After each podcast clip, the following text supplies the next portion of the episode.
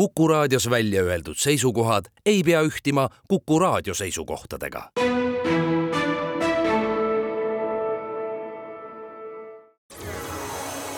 loodusajakiri, vaata ka looduseajakiri.ee. tere kõigile teile, head Kuku raadio kuulajad, ilusat reede õhtu jätku koos meiega.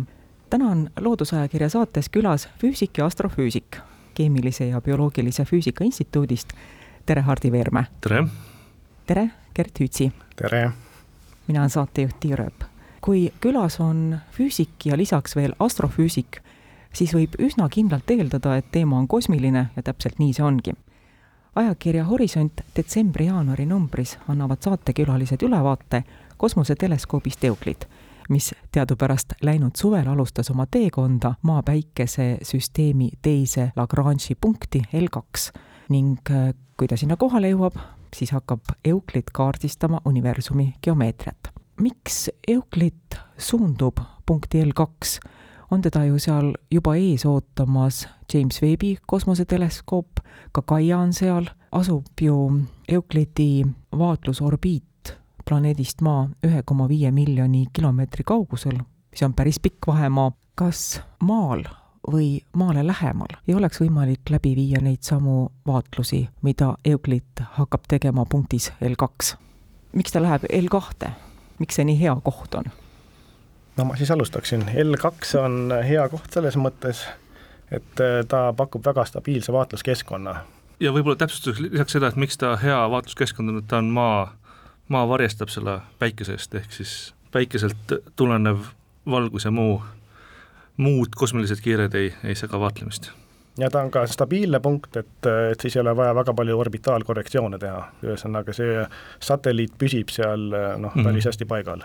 paljusid vaatlusi saab teha maa pealt, need osad vaatlused, mida, mida maa pealt ei saa teha, eks seal seda tehaksegi Euclidiga, et Euclidi üks oluline osa sellest programmist on nii-öelda siis nõrga gravitatsiooni läätse moonutuse mõõtmine. Ja läbi maa atmosfääri on niisugust mõõtmist ülikeerukas teha, et maa atmosfääri turbulents määrib kõik need äh, galaktikate pildid laiali. et täppismõõtmised ei ole võimalikud maa pealt. see on üks põhjus ja siis muidugi Euclid teeb ka vaatlusi nüüd lähiinfrapunas, noh maalt on võimalik vaadelda, eks ega lähiinfrapuna, aga põhimõtteliselt atmosfäär hakkab seal juba segama, et maa pealt tehakse siis alati neid visuaalses elektromagnetlainete piirkonnas vaatlusi ja siis muidugi lõppkokkuvõttes pannakse kõik need maa pealt informatsioon kokku kosmosest mõõdetud informatsiooniga ja noh, nii see nagu käib. et kosmoses ei ole mõtet dubleerida seda, mida on võimalik maa pealt teha, sest igasugune, iga gramm maksab väga palju, mis kosmosesse viia ja Lagrange'i teise punkti on, eks ole, rohkem kui kui siis madalale maa orbiidile, et nii see on, jah. teisisõnu võib öelda, et L2 on ühele kosmoseteleskoobile ideaalne koht, kus paikneda? jah, konkreetse missiooni mõttes küll, jah Euclidilt saadavate andmete põhjal hakatakse koostama seni kõige ulatuslikumat taevakaarti ja see peaks aitama meil mõista universumi ajalugu ja kosmilisi struktuure paremini, kui me seda praegu teeme. Horisondis te kirjutate, et ainejaotuse kaardistamine universumis võimaldab mõõta aegruumi geomeetriat ja sealt edasi kirjutate, et Einsteini üldrelatiivsusteooria ühendab aja ja ruumi terviklikuks aegruumiks ja selle järgi on gravitatsioon aegruumi kõveruse ilming mis asi on aegruumi kõveruse ilming? olge head, selgitage.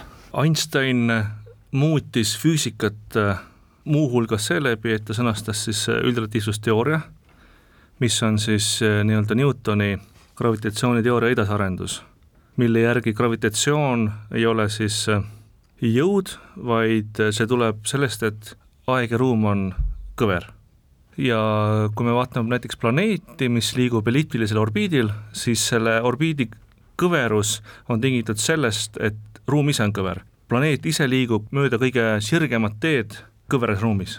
Ja suurtel mastaapidel on, näeb see välja nagu ruumi paisumine, et võib mõelda siis õhupallist, kus on peal punktid, kui me õhupalli täis puhume, siis äh, punktid eemalduvad teineteisest.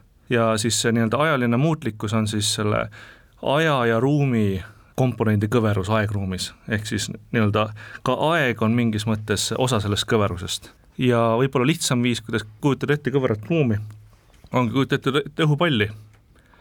koolis me õpime Euklidese geomeetriat, kus siis näiteks äh, kolmnurga nurkade äh, summa on sada kaheksakümmend kraadi, kui me joonistame õhupallile kolmnurga, siis selle nurkade summa on suurem kui äh, sada kaheksakümmend kraadi.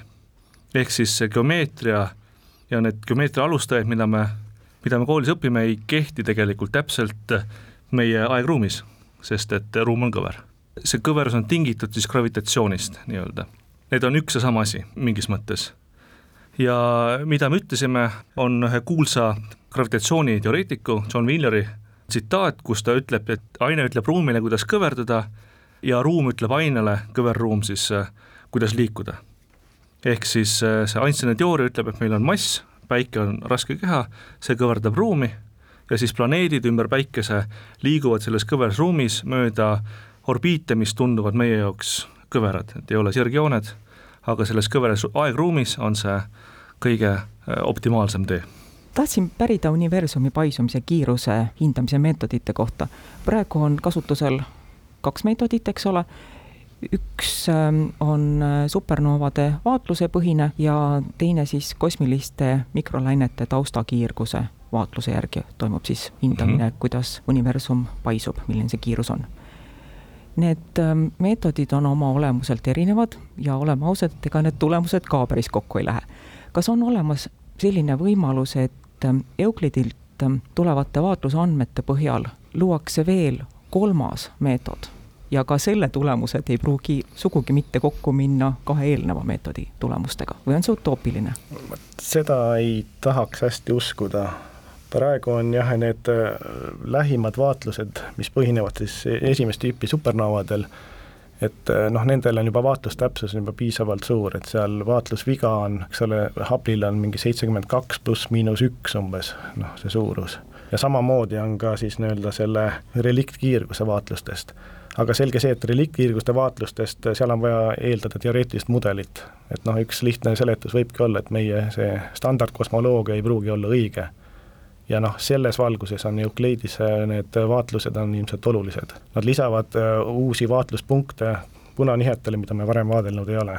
ja ma võib-olla lisaks seda, et need meetodid, mida me kasutame, need meil on juba erinevaid meetodeid, mida me kasutame, nad ei ole kõik täpselt samad, et me, on peamised meetodid, aga küsimus on selles, et kustkohast see mõõdupuu, mille paisumist me jälgime, pärineb.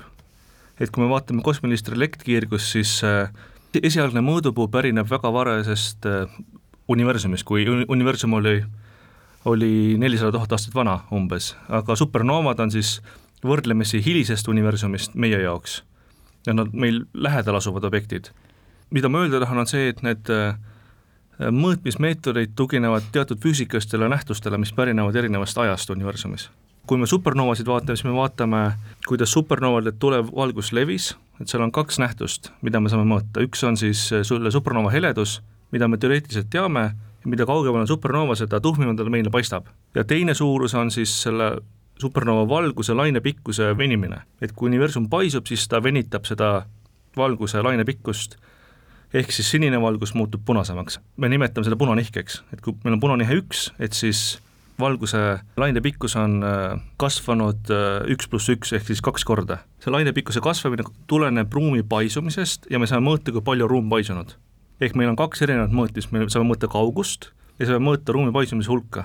ja kui me vaatame eri kaugustel asuvaid supernoovasid, saame rekonstrueerida selle, et, et kui palju on ruum paisunud sõltuvalt sellest, kui kaugelt tuleb valgus. Ja kuna me teame, et kaugemalt tulev valgus tuleb varasemast ajast, siis me saame hakata sammhaaval rekonstrueerima seda universumi ajalugu. teine mõõdupuu on need baarion akustilised oscillatsioonid, mis on siis äh, tekkinud äh, väga noores universumis, tol ajal levisid helilained, mis siis tardusid ühel hetkel ja need helilained on näha siis kosmilistes struktuurides. ehk siis galaktikate jaotuses, et tänapäeval on selle struktuuri mõõde umbes pool miljardit äh, valgusaastat, ehk siis kui me vaatame Euklidiga galaktikaid, siis me peaksime nägema, et galaktikad iga poole mil-, miljardi valgusaasta tagant on galaktikad veidi tihedamalt äh, jaotunud ja siis seal vahepeal on veidi hõredamad, ehk selline oscillatsioon nii-öelda ainejaotuses. ja kui universum paisub, siis näiteks sellel hetkel, kui see tekkis, ei olnud see mitte pool miljardit, vaid oli, oli tuhat korda väiksem, see perioodiline struktuur kui me vaatame ajas tagasi, me näeme, et see struktuur tõmbas kokku ja me saame jällegi vaadata, kuidas universum paisub, sest see struktuur paisub koos ruumiga. nüüd me alustame teisest otsast, me alustame universumi nii-öelda esimestest hetkedest ja siis töötame ajas meie poole. selleks on vaja siis kosmoloogilist mudelit, mis võimaldab äh, kuidagi kirjeldada seda paisumist, ehk me peame välja arvutama nii-öelda, kui meil on, universum koosneb sellest või sellest ainest, tumeainest, tumedast energiast, et kui palju ta siis paisuks, kui meil oleks seda või seda, seda komponenti nii, nii, nii või naa palju ja võrreldes neid vaatlusi siis selle, nende komponentide hulgaga, siis me saame hinnata seda, millest universum koosneb ja me suudame seda mõõta üsna täpselt ning praegu selle mõõtmise tulemus ei lange kokku sellega, mida me mõõdame supernoovasid vaadeldes. ehk äh, meie praegune kosmoloogiline mudel ei kirjelda universumi ajalugu väga hästi, ütleks ma seda. aga teoreetikutel pole ka häid äh, ideid, kuidas seda parandada, sest et ükski ükski äh, siis muudatus selles teoorias ei tööta väga hästi, ühesõnaga see on siis üks suurtest lahtistest probleemidest äh, fundamentaalfüüsikas tänapäeval ja noh, see probleem on üsna hiljutine, mis on tekkinud, et just see vastuolu, tegelikult on need mõõtmistäpsused läinud väga heaks, see on see probleem. ja no üldiselt võib lisada seda, et astronoomias üldse kauguste hindamine on, on üks kõige keerukam probleem üldse, et noh, kaugus ei ole nagu otseselt ju vaadeldav. siin tulebki mängu Euclid, et ta tema tundlikkus, see osa universumist, mida ta katta suudab, see parandab äh, seniseid vaatlusi suurusjärgu võrra ja me suudame siis hinnata seda, kas äkki on tegemist mõne mõõteveaga, kui ei ole, et siis me saame kindlasti teha paremaid mõõtmisi ja vaadata, kas see probleem jääb alles ja mis võiks olla võimalikud lahendused selle probleemile, millised äh, teoreetikute hüpoteesid siis lükatakse kõrvale ja nii edasi, et see, need andmed, mis sealt tulevad, on, äh, on Äh, väga olulised universumi ajaloo mõistmiseks. mis see on, mida me vaatame Euklidiga või mis see on, mida me veel ei tea, aga Euklidi abil me võiksime selle välja selgitada, me võiksime teada saada? et on kaks erinevat äh, siis sellist äh, põhilist eesmärki, et nendel lisaks on veel teisi, näiteks ilmselt otsib Euclid ka mingil määral eksoplaneete, aga, aga see ei ole peamine eesmärk. on siis, et Euclid kaardistab galaktikaid, me näeme galaktikalt tulevat valgust ja siis, mida Gert mainis, on nii-öelda gravitatsiooniläätse efekt, mis tuleneb sellest, et kui meil galaktikalt tuleva valguse ees on mingisugune teine galaktika või mingi tume klomp, siis see painutab seda valgust, et see on nagu lääts, see moonutab selle objekti taga oleva galaktika kujutist. ja vaadates siis selle gravitatsiooniläätse efekti, on võimalik näha ka ainet, mida me muidu ei näe mis ei kiirga valgust, ehk siis äh, suur osa universumi ainest, äh, umbes äh, viis kuuendikku on tume aine ja Euclid võimaldab meil kaardistada selle tume aine jaotuse tänu sellele gravitatsiooniläätse efektile, mida tekitab siis tume aine, et kui mõelda tume aine jaotusele, siis iga galaktika ümber, galaktikat ilmselt pilte on ilmselt näinud, see on ketas mingisuguste spiraalsete jalgadega ja siis selle ümber on selline ümmargune halo, on tume aine halo, mis siis mille mass on siis äh, tunduvalt suurem kui, kui nähtava aine mass, kui tähtede ja gaasi mass selles galaktikas. Ja kui noh, sellised tumeaine klombid valguse teelevad, siis me saame mõõta ka kogu selle aine jaotuse massi, ehk siis me suudame mõõta nii nähtavat ainet kui ka tumeainet universumis, kuidas see jaotunud on, tänu sellele, et see moonutab galaktikate kujutisi, mõjutab valguse levikut, kui ta jõuab sellest esialgsest allikast meieni. Ja jällegi, et Euclid mõõdab tumeaine jaotus väga suures mastaabis ja see võimaldab siis öelda meil üht-teist universumi ajaloo kohta, et kuidas käitub tumeaine, mis on samuti üks suuri lahendamata probleeme füüsikas, me teame, et see on olemas, me ei näe seda peale selle, et tal on gravitatsiooniline mõju, nii et me ei tea, millest see koosneb ja seda võiks ju teada saada, millest koosneb viis kuuendikku universumi ainest. Noh, muidugi võib lisada, eks ole, see Euclidi noh, algne motivatsioon üldse, eks ole, ta oli tume energia uurimiseks. Ja noh, ajalooliselt siis äh, läks edasi kõiksugu modifitseeritud gravitatsioonid ja nii edasi, et peamiselt on ikkagi tume energia uurimise missioon. universumi paisumise ja.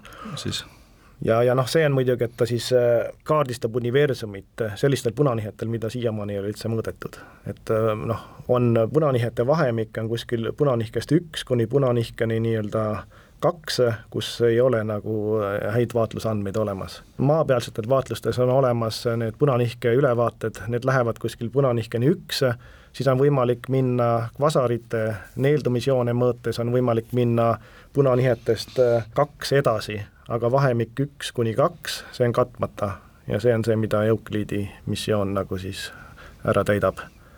suur tänu saatesse külla tulemast, aitäh, Hardi Veermäe, aitäh, Gert Hütsi kellele Euclidi missioon huvi pakub, siis oma uudishimu saab rahuldada ajakirja Horisont detsembri-jaanuari numbrist, lugedes tänaste saatekülaliste artiklit. aitäh kõigile kuulajatele, ilusat õhtu jätku! loodusajakiri, vaata ka looduseajakiri.ee